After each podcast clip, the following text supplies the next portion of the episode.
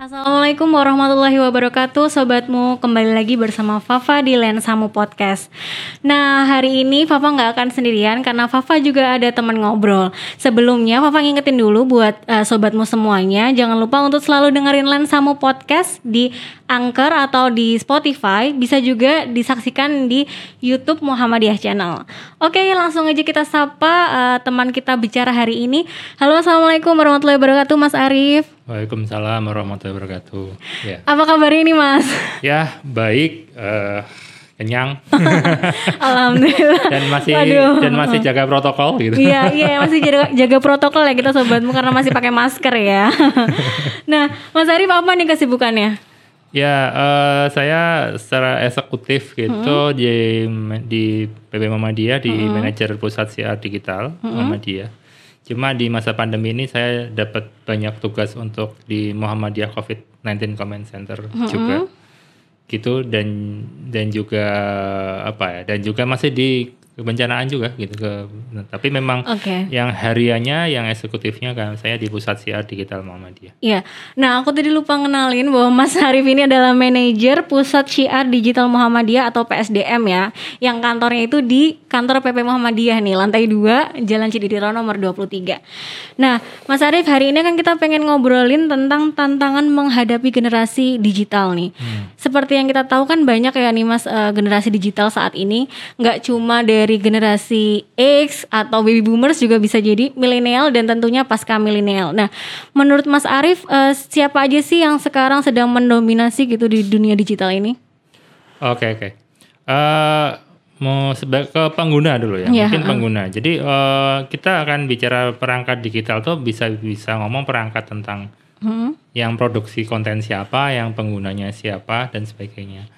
Kalau yang dominan sebagai tanda kutip aktivisnya gitu, eh, aktivis. adalah saya masih ke milenial sih sebenarnya, Oh, ke oke. generasi X, mereka yang banyak membuat konten Mm-mm. mereka nggak sekedar nggak sekedar audien tapi mereka yang membuat mendominasi pembuatan konten Mm-mm. dan juga pembuatan aplikasi jadi kan kalau digital tuh ada ada aplikasinya ada platform platformnya Mm-mm. ada kontennya kan gitu nah ini masih banyak milenial nih Oke. ya terbesar misalnya ya ya pembuat Facebook ya orang milenial Mm-mm. Gojek ya milenial juga gitu. Tapi nah untuk sebagai audien, sebagai pengguna ini atau peserta eh, atau mungkin juga customer nyebutnya namanya. Itu banyak kan kalau di statistik malah banyak kan yang yang sudah ke Pasca. pasca milenial Hmm, yang oke. yang yang Z gitu kan. Yang Z dan apa Alpha juga? Eh, Alpha mungkin masih dikit sih, tapi sudah mulai. Jadi mungkin enaknya mungkin kawan-kawan pengen tahu ya kalau perbedaan. Pertama gini, itu semua bukan era, tapi itu generasi mungkin agak berbedaan. Kadang-kadang ada ngomong gini, ini sekarang lagi era milenial gitu. Eh, eh, mungkin Iya. secara konteks definisi agak salah. Iya. Sebaiknya kan ini generasi gitu. Oke. Generasi X itu adalah generasi yang lahir sebelum tahun 80 gitu. Mm-mm. Kemudian generasi Y atau Iya. generasi yang disebut milenial heeh. itu yang lahir setelah tahun 80 1980 Yes. kemudian eh, selanjutnya baru yang Milenial ya. milenial gitu kan nah, nah generasi generasi milenial ini eh, memang generasi yang mengalami dua zaman Hmm. zaman pra digital dan zaman pasca digital gitu Oke. Ah, mungkin paling krusialnya sebenarnya digital yang yang tingkat lanjut lah paling enggak. Jadi mungkin digital sudah dikenal mungkin tahun 80 terus, tapi di, seder, paling sederhana adalah ar- apa, istilahnya apa ya? Tan, penandanya lah gitu. Mm-mm. Penandanya adalah mungkin sudah ada Android, Heeh. kemudian sudah ada HP yang Android tapi yang murah gitu ya, yang yang mungkin satu juta dua juta dapat gitu kan. Kemudian eh, internetnya cepat 4 4 4G lah gitu gitu. Itu baru Mau ke kemudian 5G juga ya nih. 5, eh, 5G bahkan lah. Itu mungkin mungkin dari 4, 4G lah gitu. Mungkin mungkin 3G dulu lah. Eh, pengu- pe- mulai pengguna 3G lah. Nah, itu mungkin itulah kawan-kawan milenial yang merasakan adanya eh, abad beneran-beneran digital gitu. Oh kan, iya, gitu. Nah, iya. Karena udah mulai cepet gitu nah, ya. Sebelumnya mesti poli poli poliponik gitu kan yang belum lah gitu. Iya, benar benar benar. Ya. Nah dari inilah kemudian ternyata mereka bisa memanfaatkan eh, milenial ini separuh sudah bisa meman- sebagian sudah bisa memanfaatkan eh, perubahan zaman ini dengan Mm-hmm. adanya 4G, dengan adanya HP digital yang bisa terjangkau har- har- eh, HP Android yang terjangkau harganya Iya. atau iPhone yang terjangkau harganya gitu kan. Kemudian atau mungkin mereka bahkan punya akses ekonomi lain di luar konvensional gitu dan sebagainya. Mereka lah kemudian sampai hari ini menjadi penguasa eh, media digital lah istilahnya gitu. berarti bisa dibilang mereka itu yang paling produktif untuk membuat konten ya sekarang ya. Ya bisa dikatakan mereka yang sadar bahwa perubahannya zaman sudah ada, kemudian mereka yang membuat konten, yang membuat platform, platform itu medianya yang untuk menyebarkan konten, Mm-mm. dan kemudian juga yang mungkin paham juga perubahan cara hidup di dunia digital. Oke, jadi mereka memanfaatkan itu untuk berkarya lah ibaratnya gitu. Ah, berkarya bahkan sampai menghasilkan Wow. profesi baru. Iya, benar-benar. Profesi-profesi yang di, di, di bapak-bapaknya, Iya. mbahnya semakin pusing. Ini kamu kerja ngapain di rumah dapat duit banyak gitu. Iya benar-benar. Nah, terus tiap hari nge-game dapat, tiap hari bikin konten, Konten, YouTube dapat gitu. dapat. Ba- ah, gitu gitulah gitu. Nah, iya. bahkan nyebar hoak dapat. Iya, jadi buzzer soalnya ya. Ya, gitu. Benar-benar.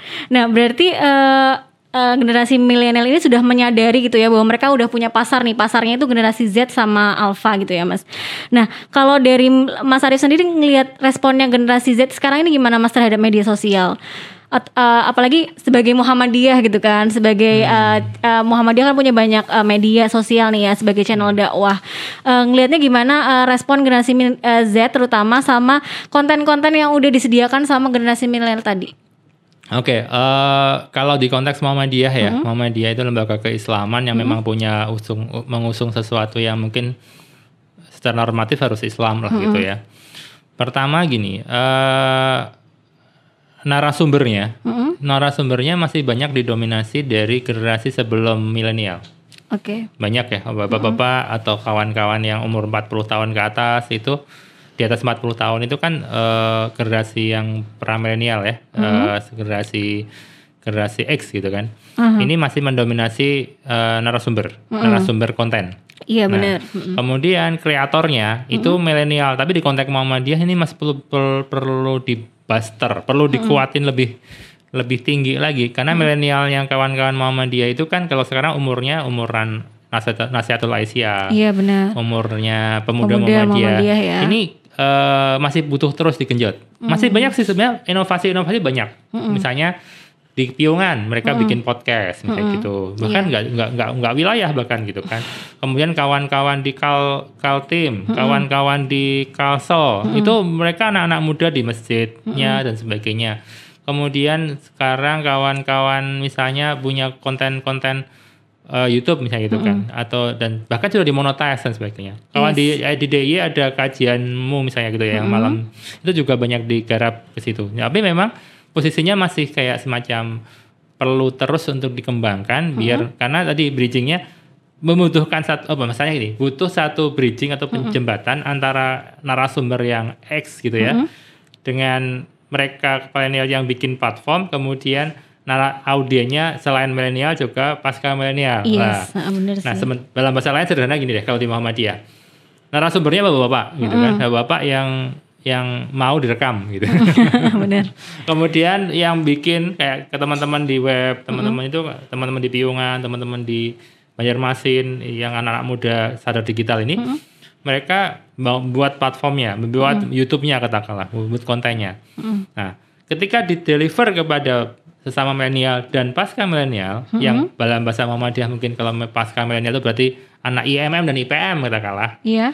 itu tidak tidak mudah match-nya gitu, tidak Yes. mudah. Nah, nah, mungkin bahasa saya sih akan lebih bagus ke depan itu mungkin dibalik. Lebih banyak mendengarkan kawan-kawan milenial dan pasca milenial tuh maunya apa, kemudian nanti kawan-kawan konten creator itu yang mengakomodasi, kemudian narasumbernya Iya. bisa disesuaikan sebenarnya. Oke, jadi sama yang eh, mereka memberi masukan tadi ya, maksudnya Nah. pengen narasumber yang kayak apa, penjelasannya gimana. Nah itu yang yang menarik gini, Mbak. Eh, Ketika kita masuk dunia digital, itu berbeda dengan dunia sebelumnya. Dunia Yes. sebelumnya itu audien itu tidak punya jejak digital. Iya. gitu. Eh, kalau sekarang Facebook katakanlah, jejak digitalnya jelas komentar yang pedes gitu kan, Iya. komentar yang banyak gitu. Itu audien gitu. Dulu mungkin TV, kemudian kita nggak tahu eh, ditonton apa enggak gitu. Iya. nah, sekarang fakta begitu kita upload satu, satu hal di media sosial, di YouTube, di Facebook, di Instagram sebagainya, jejak interaksi itu langsung kelihatan. Hmm. Nah, bahkan ketahuan juga umurnya kan, Iya, di- benar, benar. ada insight-nya kan. Ah, nah, di iya situ benar. perilaku mereka kelihatan nah, ya. Akhirnya permintaan mereka itu akan kelihatan. Nah, se- sebaiknya ke depan kawan-kawan konten creator di Muhammadiyah khususnya dan di umat Islam secara umum lebih banyak mendengarkan, eh, membaca, mengamati sebenarnya kawan-kawan audien itu maunya yang seperti apa. Oke. Kemudian coba dimediasi oleh konten creator. Nah, Oke. narasumbernya disesuaikan gitu. Oh iya. Heeh. Ah, ah, oke oke. Jadi mungkin ini ini juga perubahan kultur atau perubahan paradigma membangun konten. Kalau dulu mungkin ada permintaan dari apa dari sumber utama lah gitu kan. Kemudian tolong dibuatkan konten, kemudian dimasukkan ke audiens. Sekarang mungkin bisa dibalik juga bisa diinteraktifkan si penonton atau audiens juga diminta untuk ngomong juga sebelum sebuah produk itu eh, jadi lah gitu. Eh tapi mas eh, kita juga nggak membungkiri ya kadang-kadang mu- eh, mungkin eh, generasi X ini juga apakah setelah menyadari bahwa kita sudah dunia kita sudah berubah gitu dan ini benar-benar urgent. Nah gimana membantu mengedukasi mereka gitu? Nah ini agak mungkin menggunakan kata edukasi aja saya nggak berani ya, Ya. karena bapak saya misalnya gitu Oh, atau iya om saya atau pak ade saya kan. Soalnya di grup keluarga suka terjadi nah, pertentangan makanya juga. kenapa milenial dan pasca milenial tuh keluar dari grup keluarga Iya, iya. rata-rata kayak gitu ya. dan pindah jadi line, nggak pakai line, nggak pakai WhatsApp gitu, karena biar alasan maaf saya nggak install WhatsApp, padahal maksudnya tuh saya nggak mau ngurusi bapak-bapak yang ngurusi hoax gitu. Iya. mungkin gini eh sebenarnya memang ini harus dilakukan karena memang mungkin jadi bahasa saya secara normatif malah tu- tugas suci kaum kaum milenial untuk menyelamatkan bapak-bapak dan bapak dan orang generasi sebelumnya. Iya. jadi kawan-kawan PR yang berat ini mas. Ah, karena bukan ngomong konten, bukan ngomong surga neraka, tapi ngomong akhlak nih masalahnya nih. Iya benar-benar. Bagaimana melihat sesuatu apa eh, kondisi yang berubah dan kemudian menca- memba- menyampaikan sebuah kondisi bahwa berita itu eh, konten itu sekarang bisa dari macam-macam termasuk dari yang tidak benar kan gitu. Nah, artinya memang kita butuh strategi besar sih sebenarnya. Yang selama ini banyak mendakwahi milenial dan pasca milenial dalam konteks digital. Sepertinya juga kita butuh me- membangun sistem untuk mencari cara dalam bahasa lain mengajak bapak-bapak atau yang itu untuk lebih bersama kawan-kawan yang milenial untuk menikmati abad baru ini dengan lebih rasional dan lebih nyaman lah secara gitu. gitu. Oke. Heeh. Eh, menarik banget ya mas soalnya juga realitanya emang Hmm, eh, iya. membutuhkan effort yang luar biasa gitu ya ketika memang harus memberi penjelasan kepada orang-orang tua tadi soalnya juga berkaitan dengan dengan akhlak gitu ya nah eh, kemudian mas Arief eh, kita ngomongin juga soal kiat-kiat gimana nih mas biar kita bisa menyampaikan pesan itu tadi Pesan eh, kepada generasi Z generasi setelah pasca Z juga Oke gini, eh, kalau konteks Muhammadiyah dan dakwah umum eh, Islam secara umum itu tuh nggak bisa milih sayangnya gitu ya. iya heeh. Maksudnya tidak ada satu generasi yang ditinggalkan tuh nggak boleh gitu kan. Tapi dalam konteks pembuatan konten kita bisa milih. oke Oh konten ini kita desain untuk untuk bapak-bapak yang eh pra milenial gitu ya. Mungkin lebih yang lebih jelas-jelas aja lah gitu. Mungkin tidak perlu banyak dinamika misalnya gitu. Iya. Kemudian yang milenial mungkin lebih ke interaktif gitu kan. Nah, kalau pasca milenial tuh mereka kan banyak hidup sejak SD udah pegang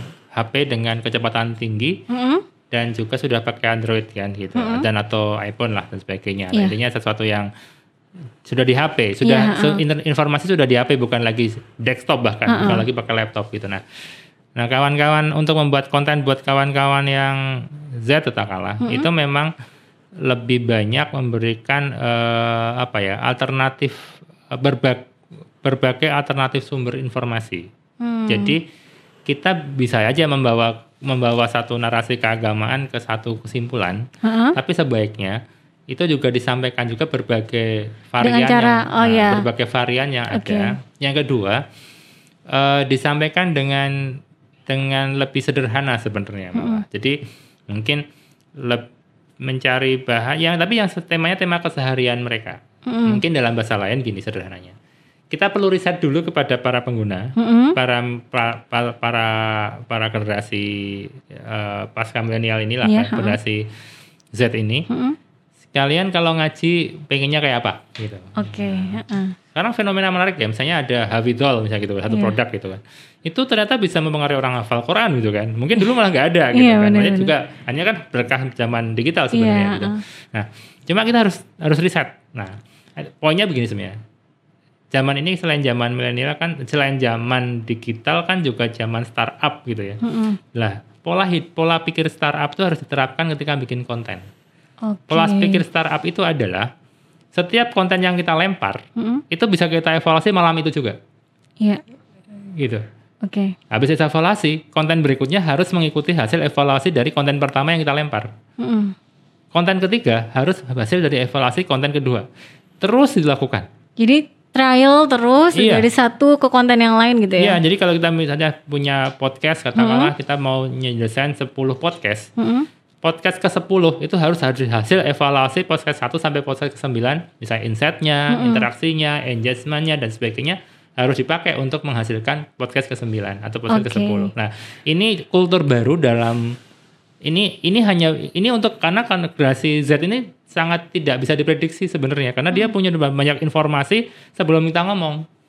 Iya, Jadi karena- kita mau ngasih suatu informasi ternyata generasi itu sudah dapat banyak informasi Iya, uh. sebelum kita sampaikan. Nah, bisa akan- jadi malah ngedebat terus gitu Iya, ya. ya, akan Terasa juga. lebih pintar. Nah, caranya adalah memang interaksi dijalankan, kemudian interak feedback dari mereka di diterima, evaluasi terus dilakukan untuk sebuah konten gitu. Oke. Nah, oke Mas Arief, eh, mungkin yang terakhir nih Mas eh, tadi ya tantangan eh, menghadapi generasi digital tadi ya. Hmm. Nah, kunci utamanya apa nih Mas? Ya tadi eh, evaluasi memang, Hmm. Evaluasi. ke yang berulang gitu ya. Hmm. Kemudian eh, insight insight itu jadi bahan evaluasi. Hmm. Kemudian jangan lupakan walaupun kita ngomong digital, mungkin ngomong online, Mm-mm. eh, interaksi dengan audiens secara offline juga harus dilakukan. Oke. Iya, walaupun medianya bisa macam-macam, bisa dengan bisa bermacam. Karena kita harus mendengarkan beneran. Sebenarnya eh, yang kita buat itu nyampe nggak? Ilmu komunikasinya sederhana ya. Iya. Yang pengen disampaikan oleh narasumber Yes. itu kan harus dipastikan diterima persis oleh audiens. Iya, audiens. Nah, zaman digital enaknya bisa langsung tanya gitu. Misalnya kita bikin konten A, Heeh. Gimana rukun, responnya? rukun gitu? iman itu 6 gitu ya. Dicek 6 beneran apa enggak itu bisa sekarang gitu. Iya. Jangan sampai sana tujuh setengah gitu kan. Nah, nah, itu bisa dicek. Nah, kalau dulu mungkin dalam bentuk digital nggak bisa gitu kan. Pokoknya dilempar aja gitu. Nah, sekarang kalau enggak urutannya sama apa enggak? Di sana bisa dicek urutannya sama. Itu bisa. Oke. Bahkan bisa dengan model macam-macam kan mau mau pakai giveaway juga bisa. Beneran yang disampaikan sama apa enggak dan sebagainya bisa gitu. Oke. gitu. Oke sobatmu, tadi kita udah ngobrol banyak nih tentang tantangan eh, media digital ya, generasi media digital ya. Nah, eh, karena waktunya udah mepet nih Mas Arief, terima kasih banget eh, Ya. udah mau diajak ngobrol di Lensamu Podcast. Oke, untuk sobatmu semuanya jangan lupa juga untuk selalu dengerin Lensamu Podcast di Spotify atau di Anchor juga bisa disaksikan di eh, YouTube Muhammadiyah Channel ya. Eh, Fafa ucapkan terima kasih untuk semuanya. Makasih juga Mas Arief sekali lagi. Sama-sama. Eh, kalau ada kesalahan kata, Fafa mohon maaf. Fafa undur diri dulu. Sama, Assalamualaikum warahmatullahi wabarakatuh.